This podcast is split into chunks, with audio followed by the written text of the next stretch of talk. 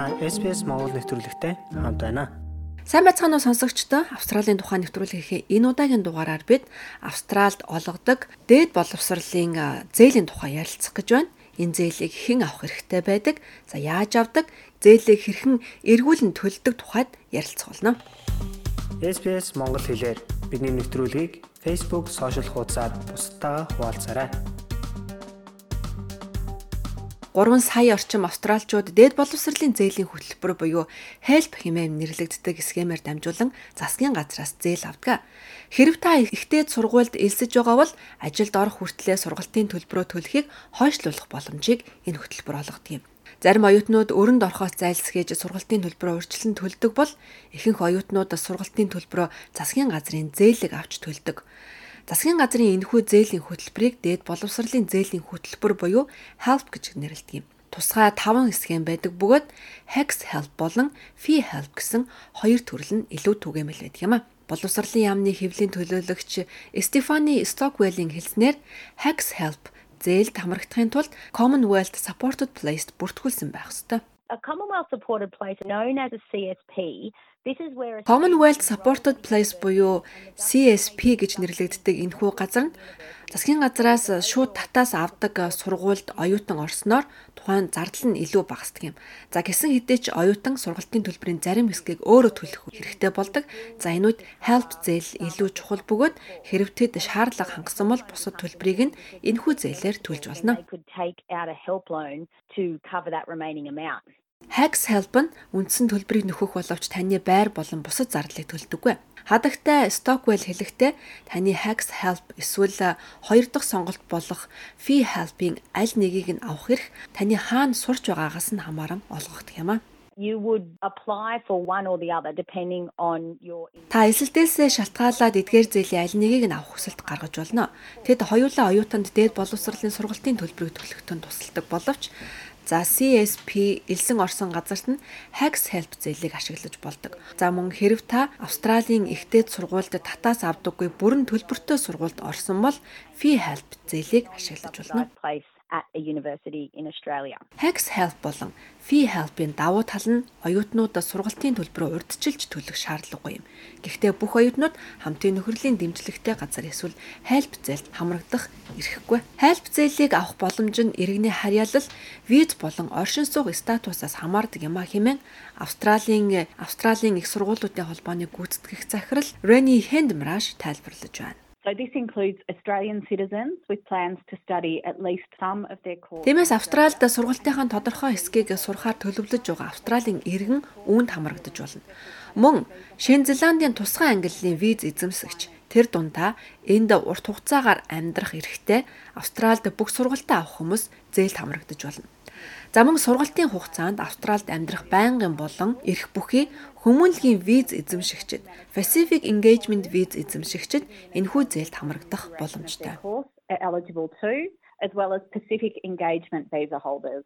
Гадаадд байгаа мэрэгжилтнүүд fee help зээлийг авах боломжтой байдаг. Бүтэн цагаар эсвэл хагас цагаар суралцж байгаа эсхээс үл хамааран таны help зээлийг таны хідэн хичээл авч байгаагаас хамааран тооцдог юм. Брюс Чаплин бол Австралийн үндэсний их сургуулийн эдийн засгийн ухааны профессор бөгөөд анхны HEX системийг зохиогч юм. Түүний хэлж байгаагаар хураамжийг жилээр нь авдаггүй харин хичээлийн тоогоор тооцдог юм. So if you enroll in a degree you might do 4 units in first semester. Тийм ээ. Хэрвээ та бакалавр, мастер зэрэг эрдмийн зэрэгт суралцах гэж байгаа бол эхний семестртээ дөрвөн хичээл авна. Эдгээр хичээл тус бүр нь тодорхой хэмжээний төлбөртэй тэндээс нь нийт зээлийн хэмжээ гарч ирдэг юм. За зэшээгээр хэлэхэд та нэг улиралд 3000 долларын зээл авч болно. Харин дараа жил нь нэг хичээл авлаа гэж бодоход 500 доллар нэмэгдэнэ гэсэн үг.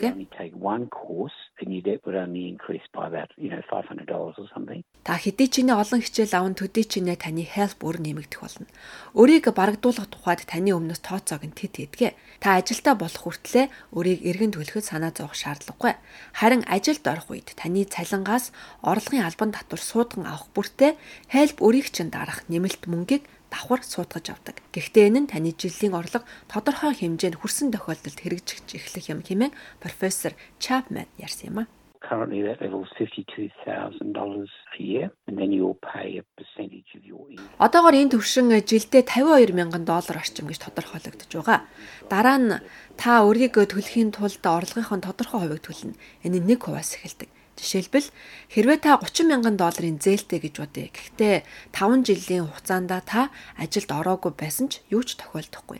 Харин та 52 мянган долларын орлоготой болоход үүнийхээ 1% сургалтын зээлдээ төлнө. Энэ нь 520 доллар гэсэн үг. Энэ маягаар өр дуусах хүртэл явна. 1% which is $520 will be taken off your debt until the debt's gone. Help зээлийг төлөх чадвар нь таны орлогоос хамаарна. Гэхдээ хүн бүрийн орлого өөр өөр байдаг шүү дээ. Энэ нь help зээлтэй хүн бүрт зээл эргэн төлөлтийн өвөрмөц зохицуулалттай байна гэсэн үг юм. Профессор Чапманы хэлж байгаагаар энэ нь банкны зээлтэй адил биш юм а. Bank loan everybody has to pay a particular amount of money every Банкны зээл бол хүн бүр сар бүр тодорхой хэмжээний мөнгө төлөх ёстой. Хүүгээ хэр удаан төлөх нь ч маш тодорхой байдаг юм. Харин засгийн газрын сургалтын зээл бол өндөр орлоготой бол 5 жилийн дотор төлж байхад зарим хүмүүс илүү урт хугацаанд үргэлжлүүлэн төлдгөө. Ийм олон янз байдаг. Гэхдээ зээлийг төлөх дундаж хугацаа бол 10 орчим зэл байдаг юм. but the median time to repay an average kind of debt would be about 10 years. Харин хэрв та гадаад улс руу явхаар бол яах вэ? Хэрвээ та гадаадад удаан хугацаагаар амьдардаг бол таны өр алга болно гэсэн үг биш. Засгийн газар Австралийн оюутнуудаас өрийг барагдуулах ёстой.